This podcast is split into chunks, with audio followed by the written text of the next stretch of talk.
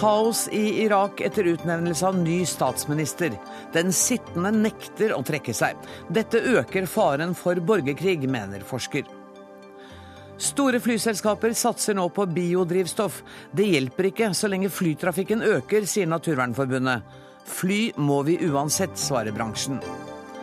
Kommunene må selv få bestemme over bygging i strandsonen, mener FrPs Helge André Njåstad. Nei, da er strandsonen tapt for alltid, svarer SVs Heikki Holmås.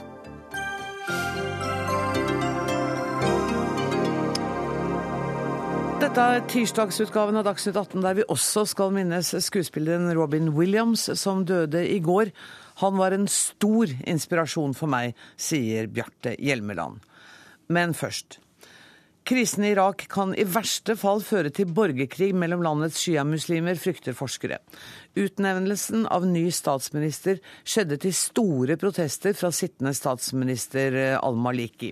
Og han akter ikke å gi seg uten kamp. Den politiske situasjonen i Irak har vært fullstendig fastlåst etter valget i april, og Iraks president utnevnte i går lederen for landets største sjiamuslimske koalisjon, Haider al-Ababi, til ny statsminister. Sigurd Falkenberg Mikkelsen, Midtøsten-korrespondent. Hvordan er situasjonen egentlig, kan du forklare det? Stor uro for hva som kan skje dersom det blir en lang og kanskje brutal maktkamp i Bagdad. Det har vært to bilbomber nå i ettermiddag som har tatt livet av minst tolv mennesker. Usikker om det er knyttet direkte til det som skjer i parlamentet. Men uansett så ligger den irakiske staten allerede med brukket rygg etter alt som har skjedd i sommer. Og nå får vi da dette på toppen. Det er et høyt spill i Bagdad. Det er Nouri al-Maliki som har ledet Irak siden 2006, kjemper for sitt politiske liv og kanskje også for sitt egentlige liv. Det sies at han er redd for hva som kommer til å skje med han dersom han må trekke seg. Men han har mistet svært mye støtte i det siste. Det er da krefter innen eget parti som nominerte Haider al-Abadi, en av hans tidligere allierte, og internasjonalt har han ikke noe støtte igjen. Ikke engang Iran, som tidligere i dag uttrykte støtte for al-Abadi.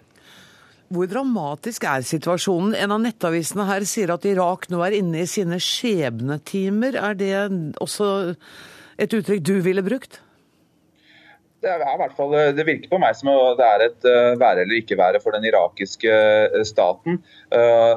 Den har ikke klart å beskytte minoriteten, har ikke klart å stå imot framrykkingen til ISIL, eller IS som de, også kaller seg. Og Det store spørsmålet nå er hvordan de væpnede styrkene kommer til å forholde seg til det politiske maktspillet. Det ble publisert et bilde av Nouri al-Maliki i dag, der han har et møte med høytstående militære offiserer. Og Han er jo fortsatt den fungerende statsministeren, og etter grunnloven så er han det i 30 dager til.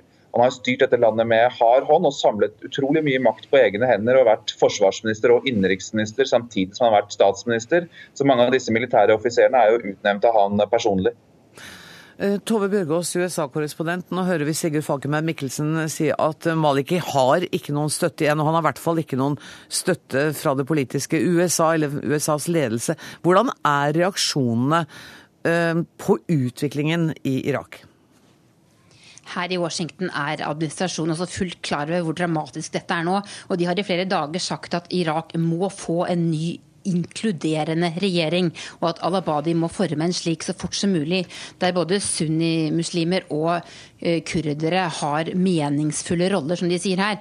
Og det USA da lokker med, er økonomisk hjelp, sikkerhetsmessig hjelp og annen hjelp dersom en slik regjering kommer på plass. Men Maliki har de ingen tillit til lenger. De er jo optimister med hensyn til den nye statsministeren. Hvordan begrunner de denne optimisten? De er vel betingede optimister. Obama eh, sier gang på gang at man, han vil finne en politisk løsning på, på, denne konflikten. Men jeg tror også han er klar over at det, er, det henger i en tynn tråd. Det er svært konfliktfylt i Bagdad. Og derfor så setter jo også amerikanerne veldig mye penger og ressurser og sine bombefly inn i nord, der de har viktige, viktige interesser å beskytte. Cecilie Hellestveit, du er seniorrådgiver ved ILPI, et forskningsinstitutt her i Norge. Du har sagt til en kollega av meg i dag at en politisk strid, politisk strid om statsministervervet kan være det som utløser en borgerkrig mellom sjiamuslimene? Ja, altså... Eh vi skal vite hvem Nouri el-Maliki er. Han har sittet med makten i, og vært stadig mer autoritær de siste årene, selv om han jo har vært formelt valgt og har vært på en måte eh, kandidaten, eller kompromisset mellom amerikanerne og iranerne, egentlig.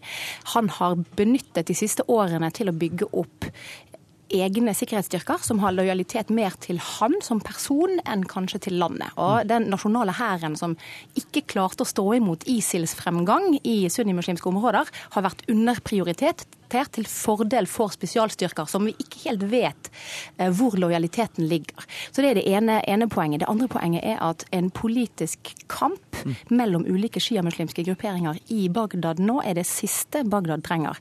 For ISIL eh, ligger og søker å få kontroll i så mange områder rundt Bagdad at de kan true Bagdad. Det er klart Hvis ikke man klarer å få en enhetlig regjering i Bagdad som kan eventuelt strekke ut en hånd også til de sunnimuslimske kreftene i ISIL-dominerte områder, da blir det veldig vanskelig å få kontroll på ISIL. Og det blir også vanskelig for så vidt å kunne holde Bagdad på lengre sikt. Mm. Dette hadde vi oppe som tema i går også. Det blir litt sånn 'min fiendes fiende er min venn', ikke sant? Man, man forandrer øh, fiendebildet etter hvordan konflikten går. Ja, det gjør man. Men det er klart, her er det jo også andre aktører utenfor det. Iran er jo også på en måte en aktør her som har støttet Maliki, for så vidt. Og eh, alliansen mellom Maliki og Iran har jo blitt tettere de siste årene. Og Så er spørsmålet selvfølgelig hva gjør Iran hvis de får inn folk som de ikke kan kontrollere på samme måten. Og det er også eh, eh, en linje her opp til, til, kurdiske områder. Selv om kurderne nå har fortsatt presidenten i denne nye, dette nye trekløveret, eh, og sunnimuslimene har fått the speaker of parliament, og man på en måte har, har liksom på plass en sånn øverste trekløver der, så er det veldig usikkert hva som skjer i forholdet mellom Bagdad og Erbil i tiden fremover. Som jo i realiteten Erbil er jo for, for, alle praktiske formål en, en, autonom region på grensen til en egen stat, eh, slik Irak fremstår i dag. Men du, Hvordan har forholdet vært mellom Maliki og Abadi? De, jo, de kjenner jo hverandre? De... Ja, de kommer jo på en måte fra samme politiske bakgrunn. Eh, begge tilhører Dawa-parti, og de har tilhørt denne rettsstatsalliansen. Og de har vært egentlig politiske konkurrenter helt tilbake til tidlig. Eh, Abadi kom inn i 2003. Han har vært i, i Storbritannia og i vestlige land lenge. Eh, og han tok avstand fra mye av det amerikanerne gjorde tidlig. Og så har han kommet inn seinere som en konkurrerende kandidat til Maliki allerede i 2005-2006. Det er klart han, Der er det nok også et, et, et motsetningsforhold som går langt uh, tilbake. Uh, og han har jo også blitt for så vidt presentert som uh, en slags reconciliatory kandidat gjennom hele våren som et alternativ til Maliki. Og bare én siste ting i forhold til det som har skjedd i eh, sunnimuslimske områder hvor ISIL har tatt kontroll. Så det er klart En del av de moderate sunnimuslimene som der har nå gjort felles sak med ISIL, de mm. ønsker egentlig å benytte ISIL som et politisk pressmiddel overfor Bagdad for å få ut Maliki. Spørsmålet er om dette kommer tidlig nok, tidsnok til å på en måte si nå gjør vi endringer i Bagdad. Vi står bak at dere skal få en annen deal her, så nå er det på tide å snu seg mot IS, som har tatt over deres område. Dag Harald Klastø, professor i statsvitenskap ved Universitetet i Oslo. Eh, når USA eh, går inn i denne type konflikter, som de jo da har gjort relativt forsiktig denne gang, så kommer jo alltid mistanken om at det er olje, altså det er oljeinteresser som ligger bak. Hvor viktig er det aspektet i denne situasjonen? Ja, det er, eh, Jeg tror det er riktig å si at USA har tre forskjellige oljerelaterte interesser for, i, i regionen. Det første er forsyningssikkerhet altså forsyninger fra området. Den eh, interessen er blitt kraftig redusert etter at amerikanerne har begynt å produsere mer olje selv. Overraskende på de fleste, men teknologien har gjort det mulig fra steinformasjoner i USA. De trenger noe tung olje som de får fra Persiabukta, men behovet for denne, den voldsomme avhengigheten er mye, mye mindre enn den har vært. De vil sannsynligvis klare seg uten Irak. Ikke uten Saudi-Arabia, men uten Irak, eh, som er den nest største leverandøren fra området, tror jeg de kan klare seg uten. Så det hensynet er mye, mye mindre. Det gir Obama en del handlefrihet. På den annen side så har store amerikanske selskaper investert nettopp i de kurdiske områdene i Nord-Irak. Så akkurat dette Nord-Irak-området er blitt mye viktigere for selskapene. For der er det tusenvis av amerikanere? Der er, der er det, altså Hvis Kurdistan hadde vært en eget land, så hadde det vært eh, blant de ti største, de land med ti, blant de ti største olje, oljebesitterne i verden. Mm. Nå har disse kontraktene vært gjort med den kurdiske regionale regjeringen, ikke med Bagdad. Bagdad har reagert på disse kontraktene. Så du har også den dimensjonen som et spill her. Nå er det ikke nok lagt så veldig mye penger inn i områdene fra selskapenes side, men de har åpenbart hatt en strategi for å komme inn der. Så det er et hensyn som du kan si har blitt litt sterkere. En interesse som har blitt sterkere, riktignok da fra de private amerikanske selskapene. Det tredje elementet, det er prisbildet. Den, prisen på olje, for alle oss som bruker olje, den settes i et globalt marked. Eh, til syvende og sist så er det det som skjer i Midtøsten som svinger den prisen på marginen. Eh, all uro, eh, ikke minst uro rundt viktige oljeområder som Nord-Irak, vil skape en, en, usikkerhet rundt prisen og risikere at prisen stiger. Det er ikke oljekonsumerende lands interesser. Helste. Jeg tror det er helt riktig eh, som det sies at eh, kurdiske oljeinteresser er viktige. Eh, og ressurser er viktige for amerikanerne, men også for Tyrkia. Mm. Eh, du har fått en veldig stor investering fra Tyrkia i disse områdene. Man har fått infrastruktur som gjør at eh, Nord Nord-Irak, altså Kurdistan, eh, kan levere mye til Tyrkia. Eh, amerikanerne har gått inn og sagt at vi beskytter Erbil eh, mot ISIL. Det betyr i praksis vi beskytter de kurdiske områdene. Og det vi har sett de siste dagene, det er at de har tatt tilbake igjen en del områder som falt til ISIL for et par uker siden, eller for, i forrige uke, mens ISIL har presset på andre steder. Dette her er omstridte områder i grenseområdet mellom arabisk Irak og kurdisk Irak. Mm. Og disse minoritetene som har vært kommet i skvis nå, de bor bor i disse grenseområdene. Eh, så Det er også et spørsmål her om hva skal være den sørlige kurdiske grensen. Eh, og amerikanerne har jo i realiteten sagt at vi eh, kommer til å beskytte Kurdistan mot ISIL. Hva som skjer med Bagdad, det er litt mer usikkert. Tove Bjørgaas, jeg har lyst til å spørre deg også om dette oljeaspektet. Nå hører vi Dag Harald Klas si at USA nå er mindre avhengig av olje fra Irak enn de har vært tidligere. Men er det allikevel et moment som kommer opp i debatten? Det kommer liksom ikke så veldig direkte opp. Men jeg har lest noen eh, interessante analyser i dag. Og, fordi at nettopp som da Harald Klass sier, Obama sa jo det er tusenvis av amerikanere vi må beskytte. Og flertallet av de tusenvis av amerikanerne jobber i oljeindustrien i Erbil-området. Og da er det på en måte akseptert blant de fleste her at da må selvfølgelig USA inn og beskytte dem mer enn de må eh, andre i Irak. Men samtidig så, så, så er det jo disse spørsmålene eh, ved om det er riktig at man er der. Og så har det også dukket opp en, en interessant debatt i, i, som kanskje kan linkes litt til dette. Fordi Hillary Clinton kom med knallhard kritikk i et intervju uh, uh, i helgen mot Obama, og, og at han ikke i Syria gjorde det han gjør nå i Irak. Og Da kan man jo kanskje argumentere med at eh, selv om at Obama avviser det argumentet, at USA alltid går inn og beskytter sine egne, eh, men at de ikke er villige til å f.eks. bevæpne en, en, en opposisjon i Syria som kjemper mot ISIL. Helleseth, du brenner etter å si noe, da. ja, eh, Det er for så vidt riktig, men jeg tror ikke det er først og fremst det som skjer her. Jeg tror det som skjer her har sammenheng med det Obama for så vidt ganske eksplisitt ga uttrykk for i sin tale.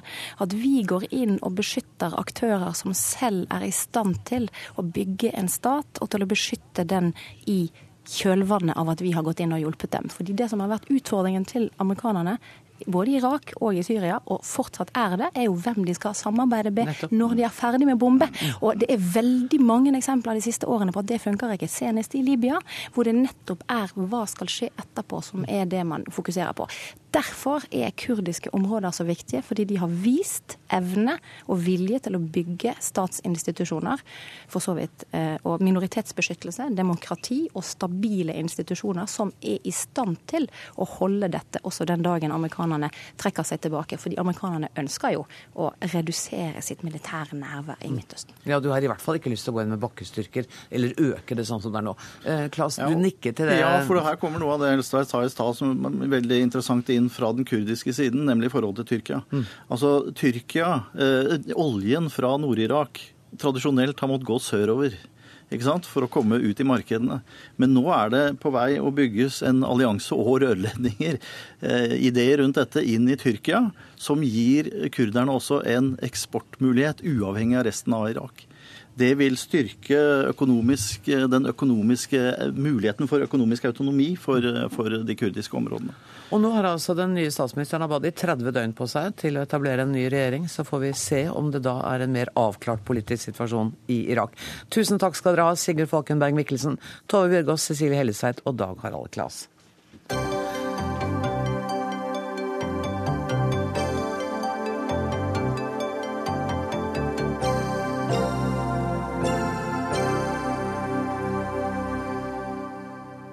Kommunene er mer enn velferdstjenester. De er også vår identitet. Kommunesammenslåing skaper sterke følelser, og det er en av grunnene til at regjeringen ikke bør tvinge gjennom det nye kommunekartet. Det mener du, Tom Karp, du er professor i ledelse ved Markedshøgskolen, og det er du som har konkludert omtrent slik jeg nettopp siterte deg. Ja, det er riktig. Hvorfor det? Eh, jo, Hvorfor altså, er det feil nå? Eh, jeg, altså, jeg er ikke imot kommuneslåing som sådan, eh, men det jeg på en måte sier her, er at eh, det er store risikoer knytta til denne sammenslåingen. Og så langt har vi hørt mye fine ord som muskler, robusthet. Vi har hørt lite om risikoene ved dette her. Og En sånn risiko er jo, er jo, dette med identitet. At du føler noe for den kommunen du bor i, og som du jobber for. Og Det gjør at du nødvendigvis ikke går med på alt som kommer. Og Hva belegger jeg dette her i? Jo, altså erfaringer da fra næringslivet som har gått gjennom mange bølger av fusjoner og tilsvarende ting. De hadde en på begynnelsen av 2000-tallet, det er en ny bølge nå. Jo, men det er at mange, mange mange av disse her de mislykkes. Og det skyldes bl.a. identitet. Det skylder at risiko ikke er tenkt på. Det skyldes at prosessene ikke er dype og involverende nok. Men er det da slik at vi som bor i disse kommunene vil bevisst eller ubevisst motarbeide sammenslåingen fordi vi føler at den truer vår lokale tilknytning?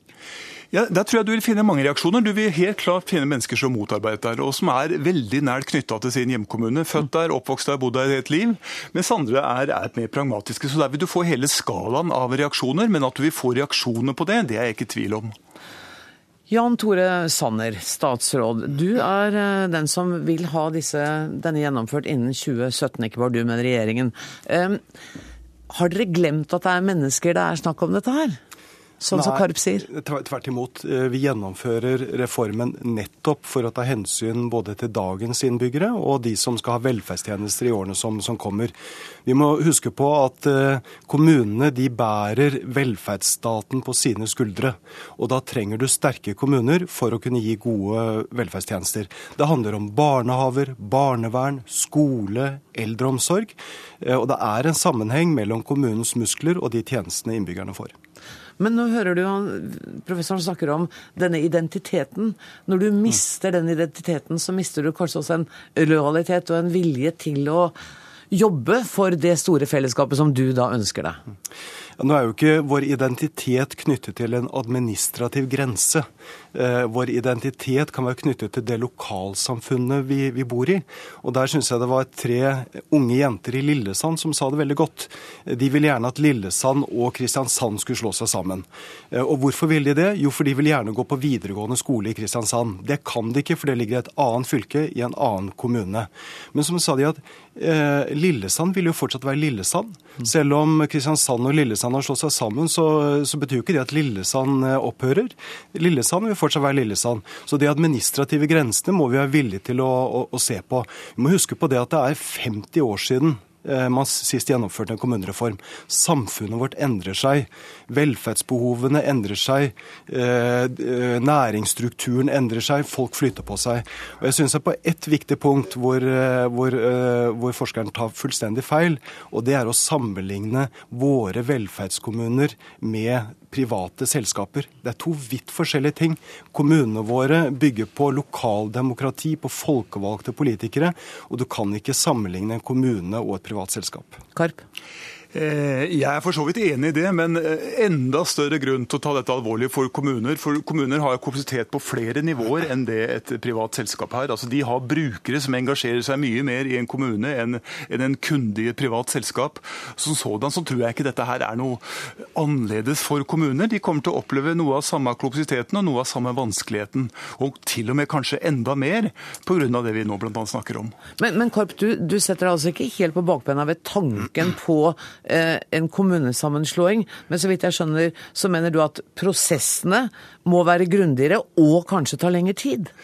Mitt hovedpoeng er som jeg sa i begynnelsen her, at det er helt klart at noen kommuner må slå sammen, eller bør slå sammen. Og så er det graden av frivillighet, og så er det prosessen og som handler om, om, tid, det handler om dybde nok, og ikke minst så handler det om ressurser.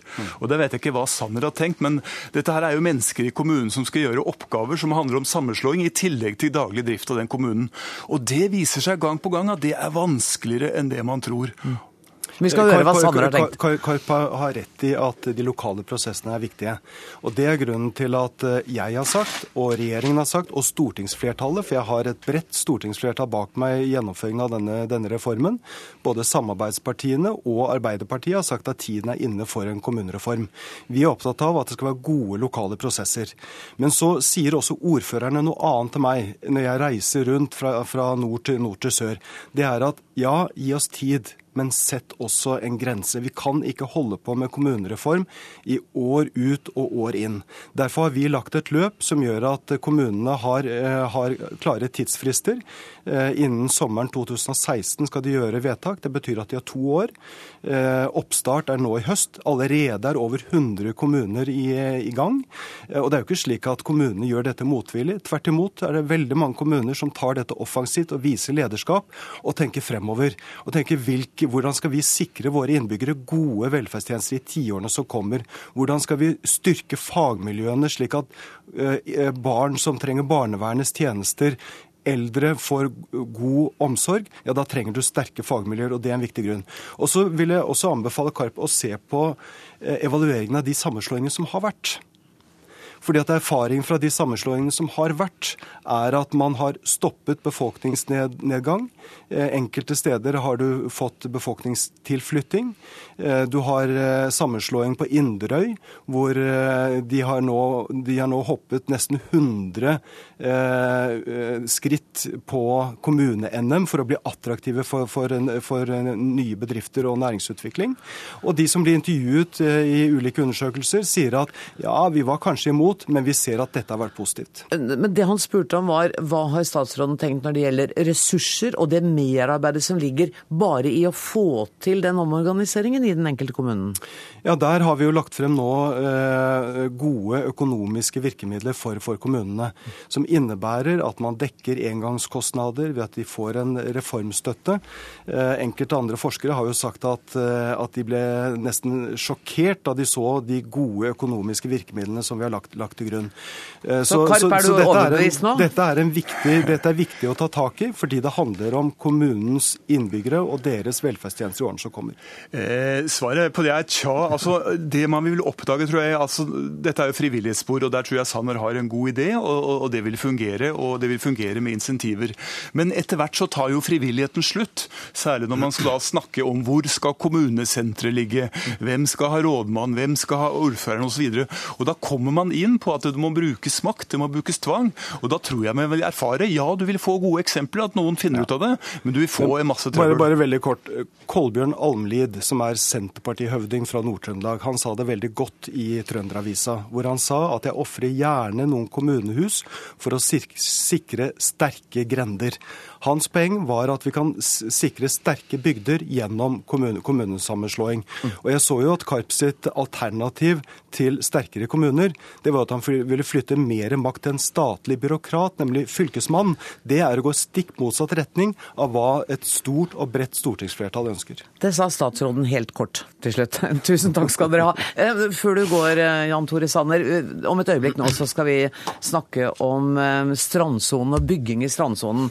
Og der har Fremskrittspartiets Helge André Njåstad sagt at ansvaret for å bestemme om folk skal få bygge i strandsonen, det bør ligge til den enkelte kommune. Sånn helt før du går ut døra. Er du enig i det? Ikke fullt og helt. Eh, jeg er for mer lokalt selvstyre. Jeg er for at eh, større kommuner kan ha, mer selvstyre også på det området, men vi vil fortsatt ha nasjonale retningslinjer, slik at vi sikrer eh, allmennhetens tilgang i strandsonen. Tusen takk skal dere ha, Jan Tore Sanner og Tom Karp.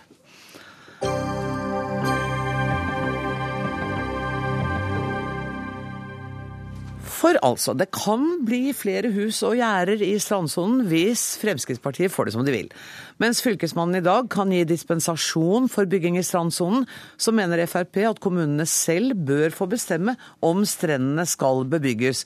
Og som vi hørte, så får Frp ikke udelt entusiastisk støtte fra statsråden i dette. Men leder i kommunalkomiteen Helge André Njåstad, hvorfor er det så viktig at kommunene sjøl skal bestemme dette?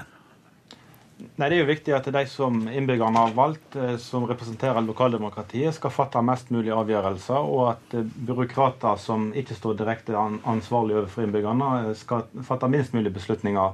Og så må jeg korrigere deg litt at Det er ikke strendene Fremskrittspartiet ønsker skal bli bygd ut, det er strandsoner. Det består av veldig mye mer enn strender. Jeg sa strandsoner, tror jeg. ja. ja. Nei, du sa strender. Og, og der, der folk bader og der det er friluftsaktiviteter, skal ikke det bygges ut.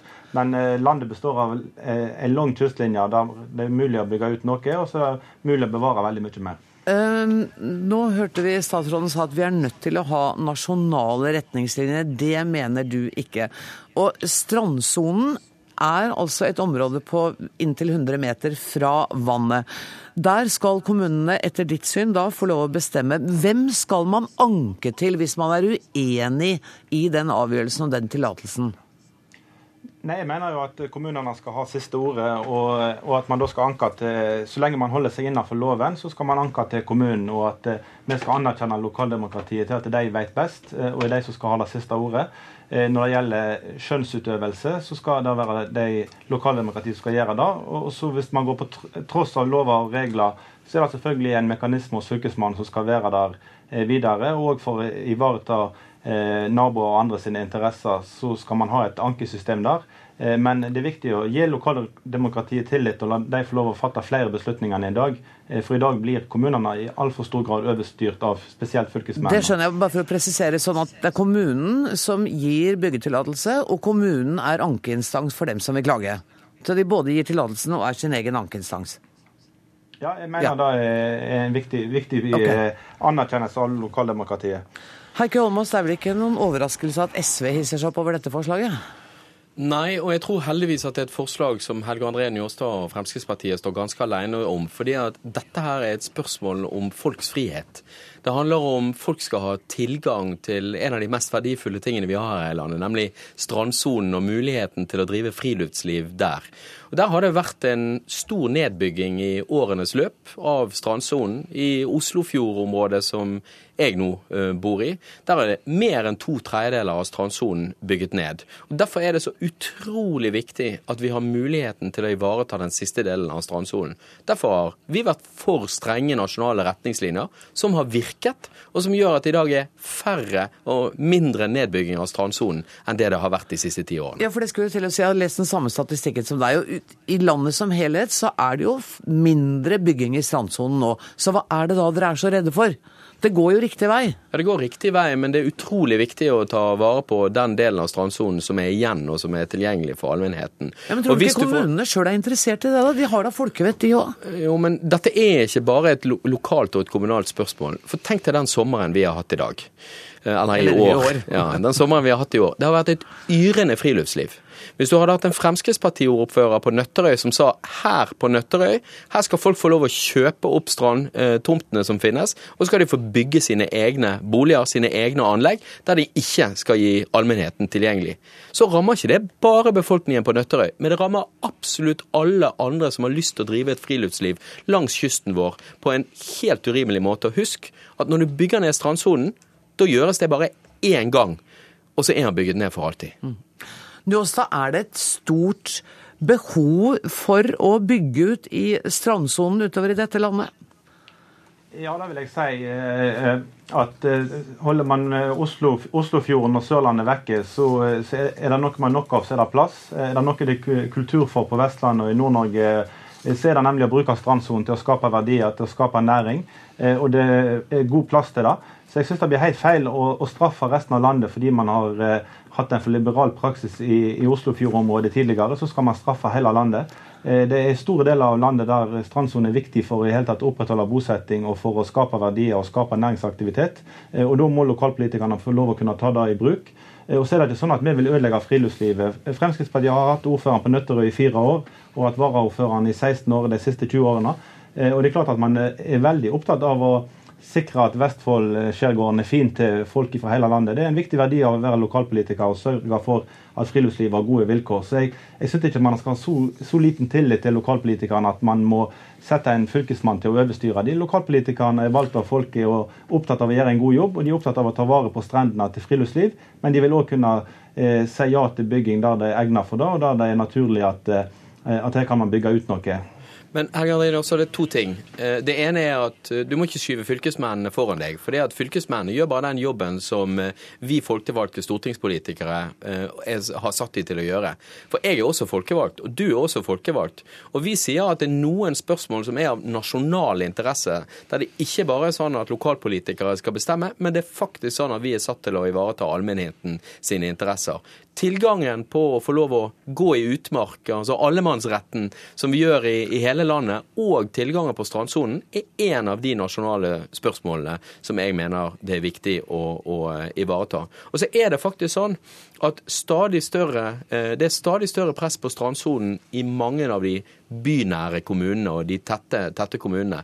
Og Da er det viktig å ha nasjonale retningslinjer. Og jeg opplever, og den statistikken som kom fra SSB, Statistisk sentralbyrå nå tidligere i sommer, den sier at det er flere og flere av konfliktene og uenighetene som løses lokalt i samarbeid mellom fylkesmann og lokalpolitikere, og færre konflikter som havner nasjonalt. Og Det er et tegn på at dette er et system som funker. Njåstad. Ja, vi er jo ikke imot allemannsretten. Vi er jo stor tilhengere av allemannsretten og, og friluftsliv. Eh, så, eh, men eh, når vi har lagt lover og regler, så må skjønnsutøvelsen med når allemannsretten blir råka eller ikke, må ligge til lokalt folkevalgte og ikke til et, et statlig nivå. Mitt poeng i forhold til skjønnsutøvelsen, så vet lokalpolitikerne best hva som er, er det riktige for den enkelte kommune.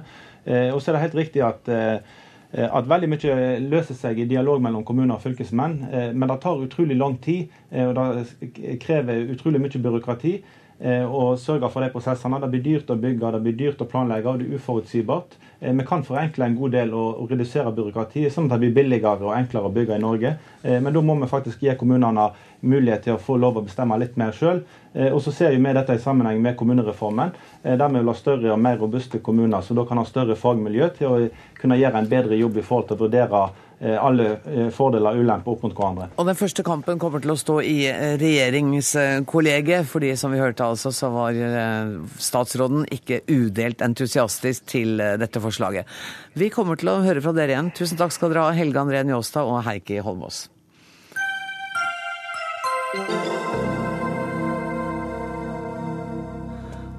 Mannen som kommer inn døra nå, slo kraftig igjennom med romanen 'Før jeg brenner ned' i 2010, og traff et stort publikum. Med 'Over det kinesiske hav' så forsterket han og utvidet han lesekretsen, og i år heter romanen 'De fem årstider'. Velkommen, Gaute Heivold. Takk for det.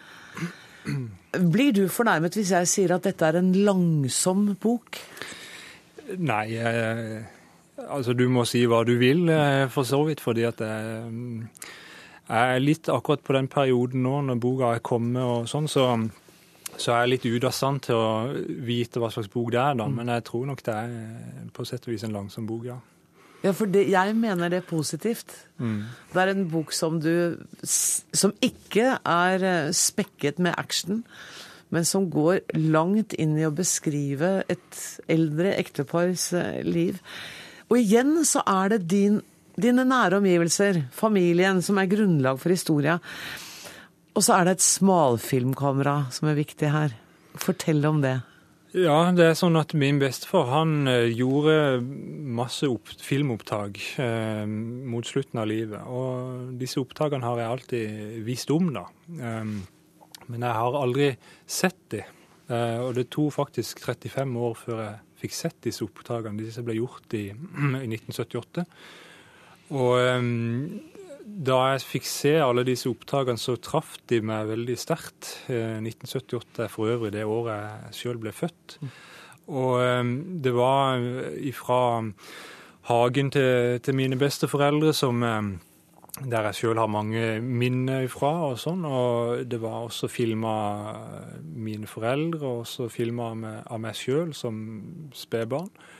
Så alle disse opptakene gjorde at um, jeg hadde lyst til å skrive rett og slett om, uh, om min bestefar, og også om, om uh, min bestemor, da. Han var overkonduktør på Sørlandsbanen. Og i løpet av sitt arbeidsliv så reiste han 59 ganger kloden rundt som ekvator.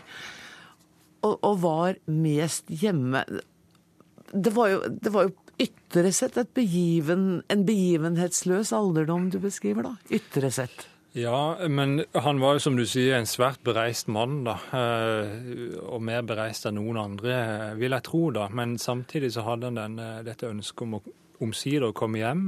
For han hadde også Ja, han var konduktør, men han var også eh, en slags kunstner. Og mm, han ville vel egentlig komme hjem og sitte på sitt eget verksted og male.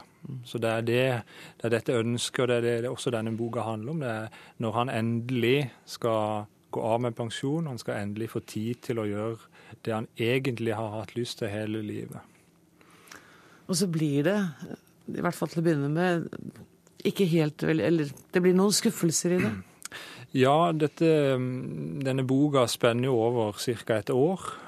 Og han som sagt har lyst til å bli den han egentlig er, og endelig få tid til, til, det han vil gjøre. Men eh, etter hvert som han får denne tida, og han har sluppet dette yrkeslivet, så, så viser det seg at um, han rett og slett uh, ikke får til uh, å, å, male. Og, um, og, og disse, dette året blir helt annerledes enn det han hadde sett for seg, rett og slett. Er det en beskrivelse av den ventetiden på døden? Ja, altså dette er jo For ikke røpe for mye, ja, ja, så, så, eller vi kan godt røpe det, så er det jo det, dette er jo en, en, roman om eh, det siste året i eh, bestefars liv. Mm. Um, og det er også en beskrivelse av um, Jeg har sagt det er ikke det er ikke en, en bok om, om, døden, det er egentlig mer en bok om, om livet, om kjærligheten, uh, som jeg ser det. Fordi um, når han da finner ut at han ikke får til å male, så, så begynner han å filme i stedet. Han begynner å filme det som er nært, altså det som er egentlig hans uh, sted på jorda. Det er denne hagen, som um, var veldig viktig for begge to. De hadde dyrka og planta i denne hagen siden krigen. Og han begynner rett og slett å filme blomster og bier og fugler og vinden som blåser gjennom trærne. Og han begynner å filme selve livet, da. Og kona si. Og kona. Vil, du låne min bok? Jeg har lyst til at du skal uh, lese litt for oss. Var det ikke på side 183 jeg tenkte? Mm. Har du det der? Ja. Elva er? Ja. Elva er skrumpet kraftig inn etter den lange tørkesommeren.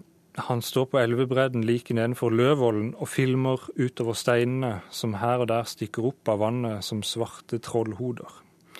Så snur han seg og filmer mens hun står med ryggen til og skifter.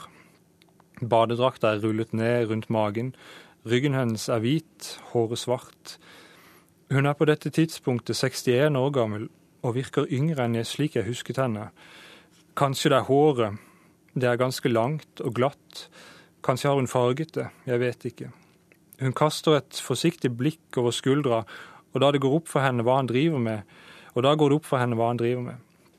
Hun snur seg halvveis, holder håndkleet foran brystet, hytter neven mot ham, nesten slik han selv gjorde da mamma filmet ham i hagen, som om hun frykter at hun skal komme halvnaken på fjernsyn.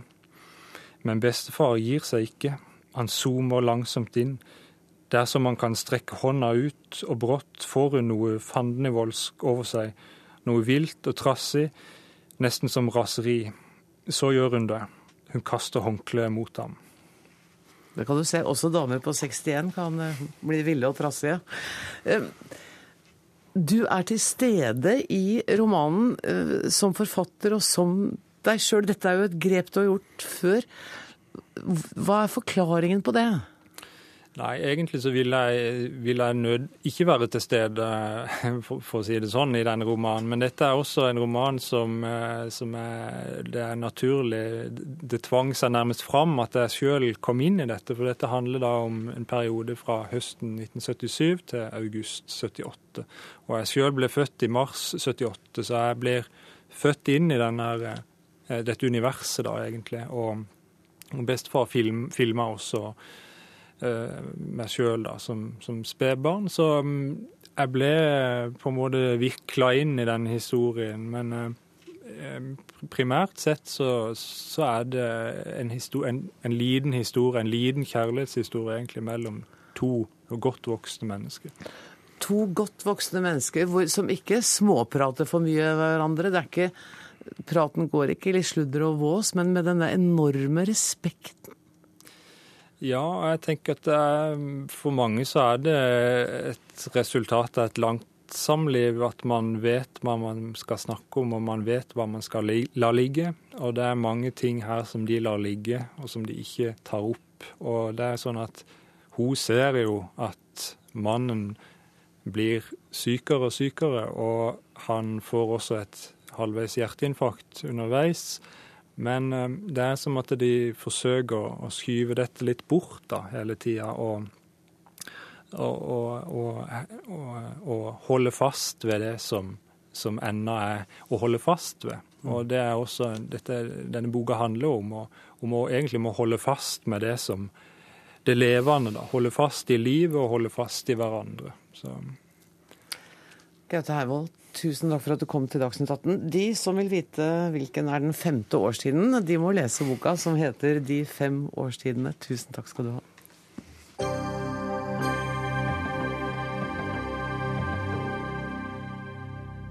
Før vi begynner på neste sak, så skal jeg bare fortelle at om et par minutter så tar sjakk-OL og EM i friidrett over på denne fjernsynskanalen. Og hvis du har lyst, lyst, til å følge Dagsnytt 18, så må du gå over på P2 på radio, eller følge oss på nettet på nrk.no. Men nå. Biodrivstoff fra tremasse skal gjøre flytrafikken mer miljøvennlig, og det er bransjen selv som har tatt initiativet. Flere store flyselskap skal nå ta i bruk dette drivstoffet når de tar av fra rullebanen, og vanligvis så burde vel du, Holger Slaupitz, fagsjef i Naturvernforbundet, juble over at klimaverstinger tar et tak. Og så sitter du og er misfornøyd. Ja, altså dette er en sak som eh, har mange sider. Og vi er veldig glad for at bransjen jobber med å ta tak i utfordringene. Men utfordringene er større enn de gevinstene vi kan oppnå med biodrivstoff. Og jeg vil bare si én ting først. Eh, den rapporten som kom for ca. 1 12 år siden om biodrivstoff fra Avinor og flere, mm. sier jo også klart og tydelig at det er stor usikkerhet rundt klimaeffekten. Ja, men, men Avinors rapport er ikke negativ til bruken av biodrivstoff eh, i fly? Nei, det er den ikke. Og eh, i tillegg til usikkerhet knytta til klimaeffekten, som eh, Avinor og de utrederne peker på, så er det også et stort spørsmål eh, hvor mye skog vi også kan hogge med tanke på naturen og naturmangfoldet i Norge og i utlandet. Men så vet man jo heller ikke altså Det er jo fra dagens teknologiske sted, ståsted. Man kan jo tenke at i løpet av fem år så har det vært en teknologisk revolusjon. Det kan skje, men eh, vi må jobbe etter et føre-var-prinsipp. Det er et viktig prinsipp i miljødebatten. Vi må ikke gjøre ting som eh, kan ha en stor risiko for å slå ut negativt på miljøet, både for klima og naturmangfold. Hva skal vi gjøre da? Skal vi fly mindre? Altså jeg tror Det viktigste å ta tak i nå, det er den sterke veksten i flytrafikken okay. som eh, vi ser. Den har vi hatt i mange år.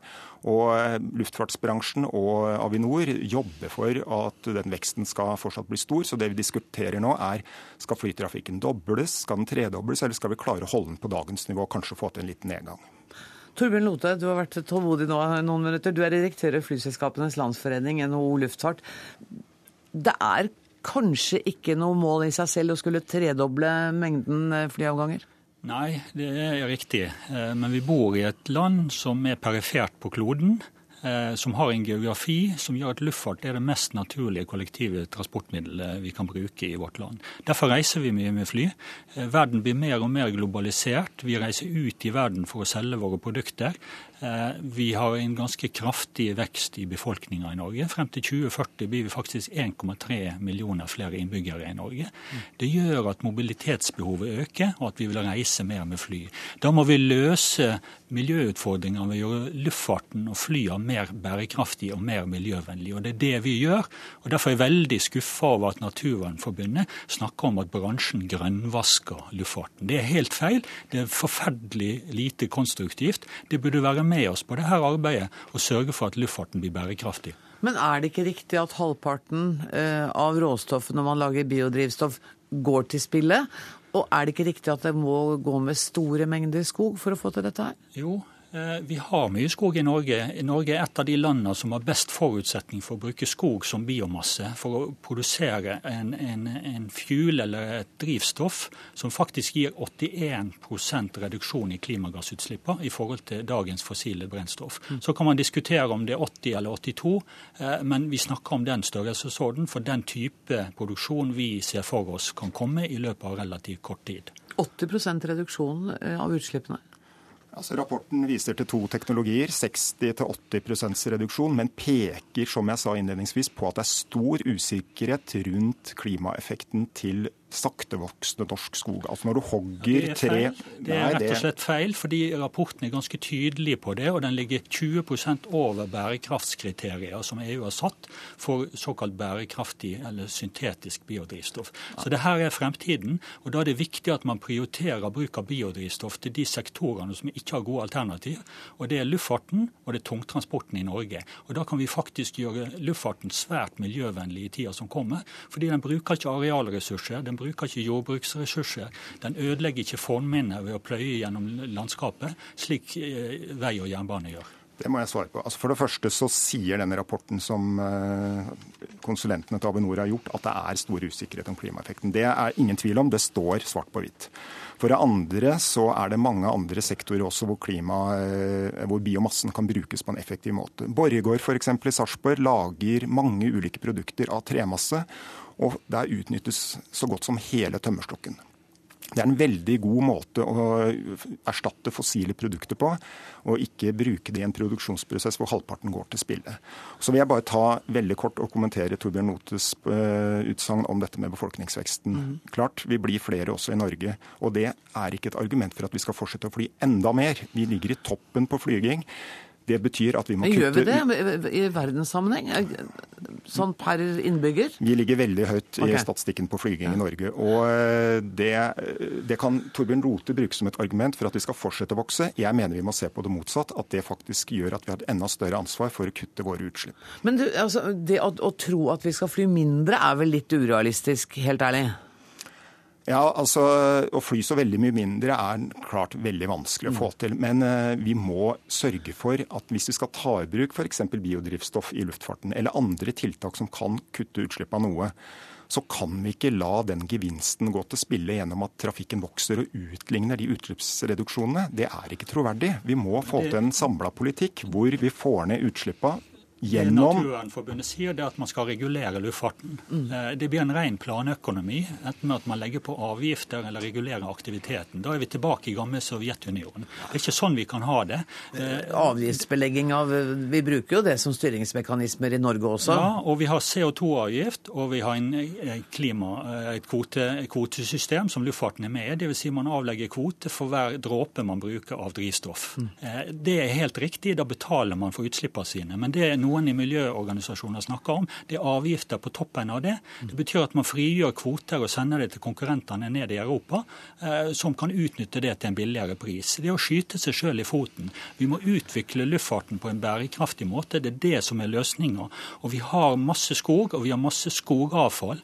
Og all produksjon av energi krever en produksjonsprosess som gjør at du ikke utnytter det 100 der fikk du siste ordet, Torbjørn Lothe. Vi er nødt til å sette strek. Tusen takk til Torbjørn Lothe, direktør i Flyselskapenes Landsforening, og takk til Holger Schlaupitz, fagsjef i Naturvernforbundet.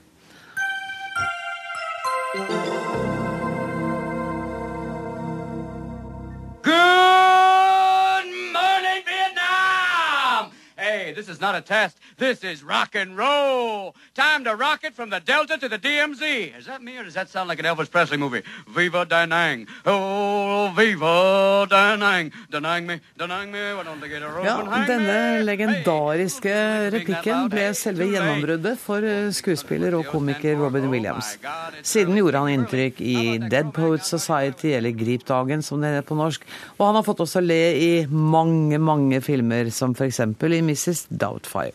I dag våknet vi til nyheten om at han er død, bare 63 år gammel.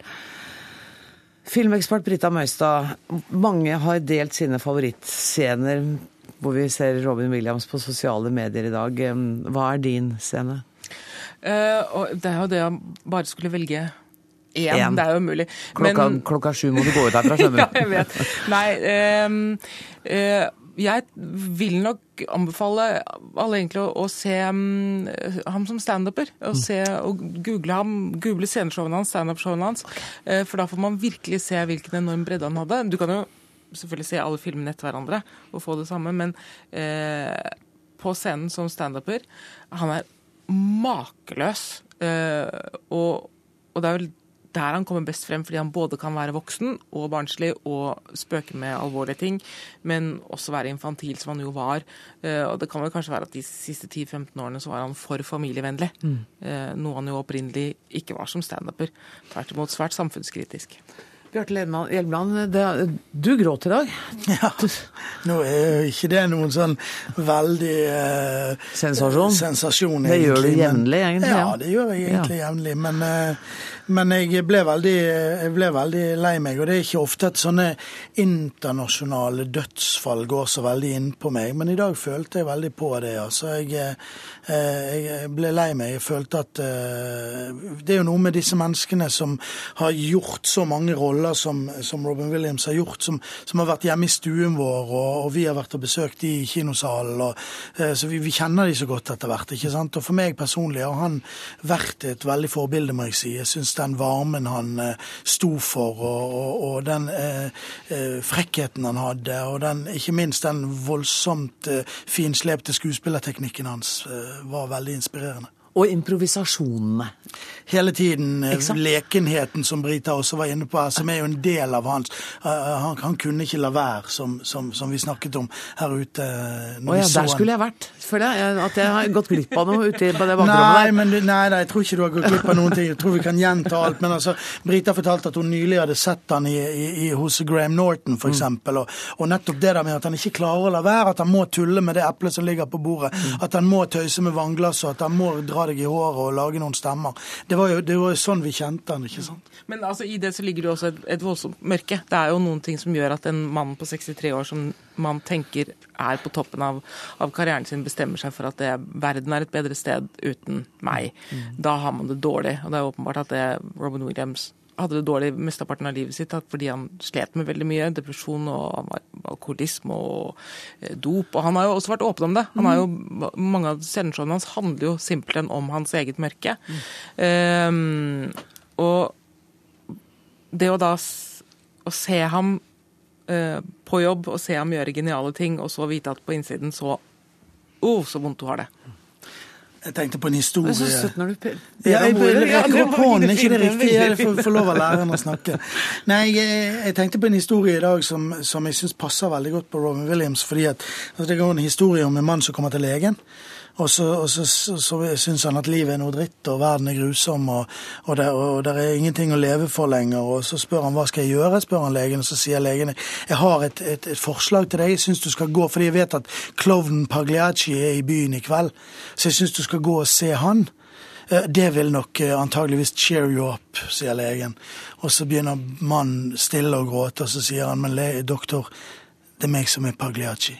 Og det er, er vi vel i grunnen i nærheten av noe kanskje av det som har vært Robin Williams' problem, og, og, og, og mange morsomme menneskers problem. At, at hvor skal jeg gå, som får alle andre til å leve, hvor skal jeg gå med min smerte eller min Og du leder meg nå til, for jeg leste den omtalen av ham som Alan Alda skrev i dag. mm. og som sier at jeg, jeg kjente ham ikke så godt, jeg visste ikke at han var deprimert.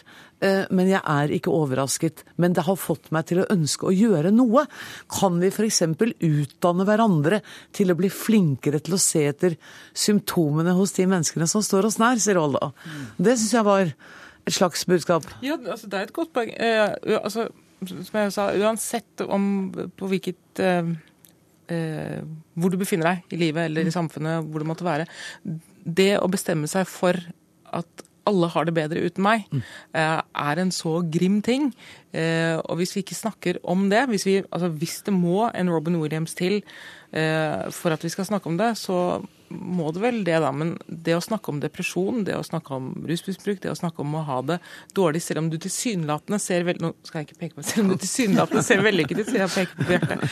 Ehm, eh, så, så vi må det. Det er ubehagelig og det er fælt, men, men hvis vi fortsetter å snakke om det, og vi snakker om det på en ordentlig måte, så håper jeg det kommer noe ut av det, da, i hvert fall. Mm. Og så er det vel sånn at ethvert talent som handler om uh, å være utøvende på en eller annen måte, har, innehar en eller annen form for, et eller annet form for smertepunkt. ikke sant? Og, og, og i stor grad så, så, så handler jo uh, f.eks.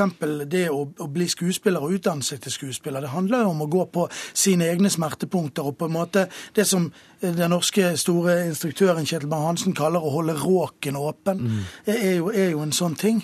Eh, og, og, og Williams også, gjorde jo det. Ikke sant, Han holdt råken åpen, og det er klart det koster noen ting.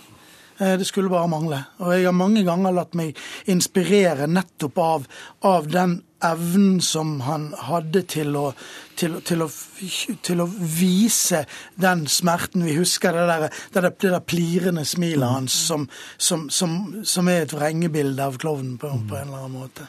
Og så var han allsidig. Altså, han var ikke bare en Mrs. Doubtfire.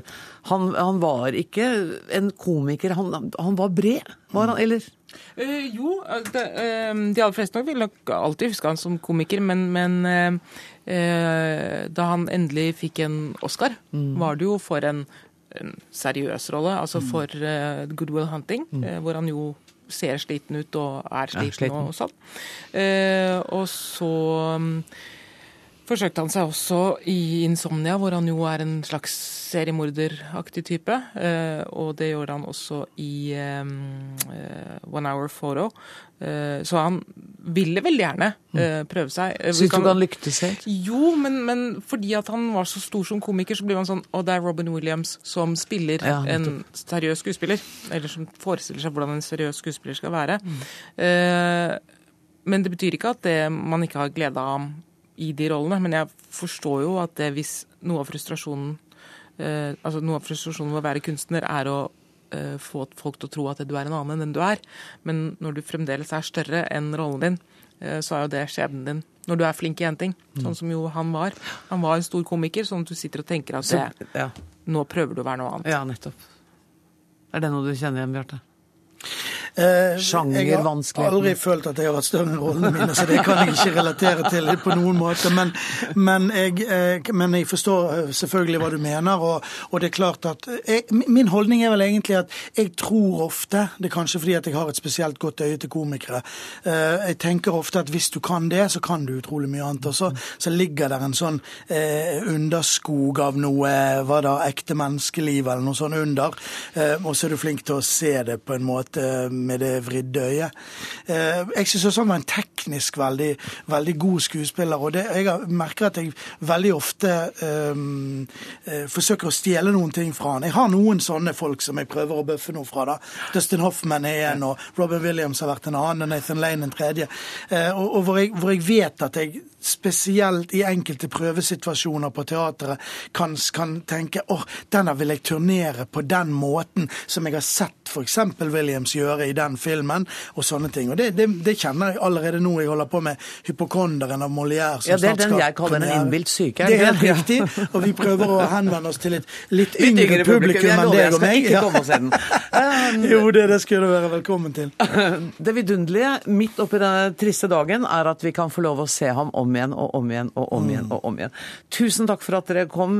Du Bjarte må skynde deg til prøven. Eh, Bjarte Hjelmeland, takk til Brita Møystad. Helt til slutt så må jeg bare fort få lov å nevne at det var Andrea Kvamme Hagen som eh, hadde ansvaret for denne utgaven av Dagsnytt 18. Det tekniske rabalderet lå på Finn Lies skuldre. Jeg heter eh, Anne Grosvold. Takk for nå.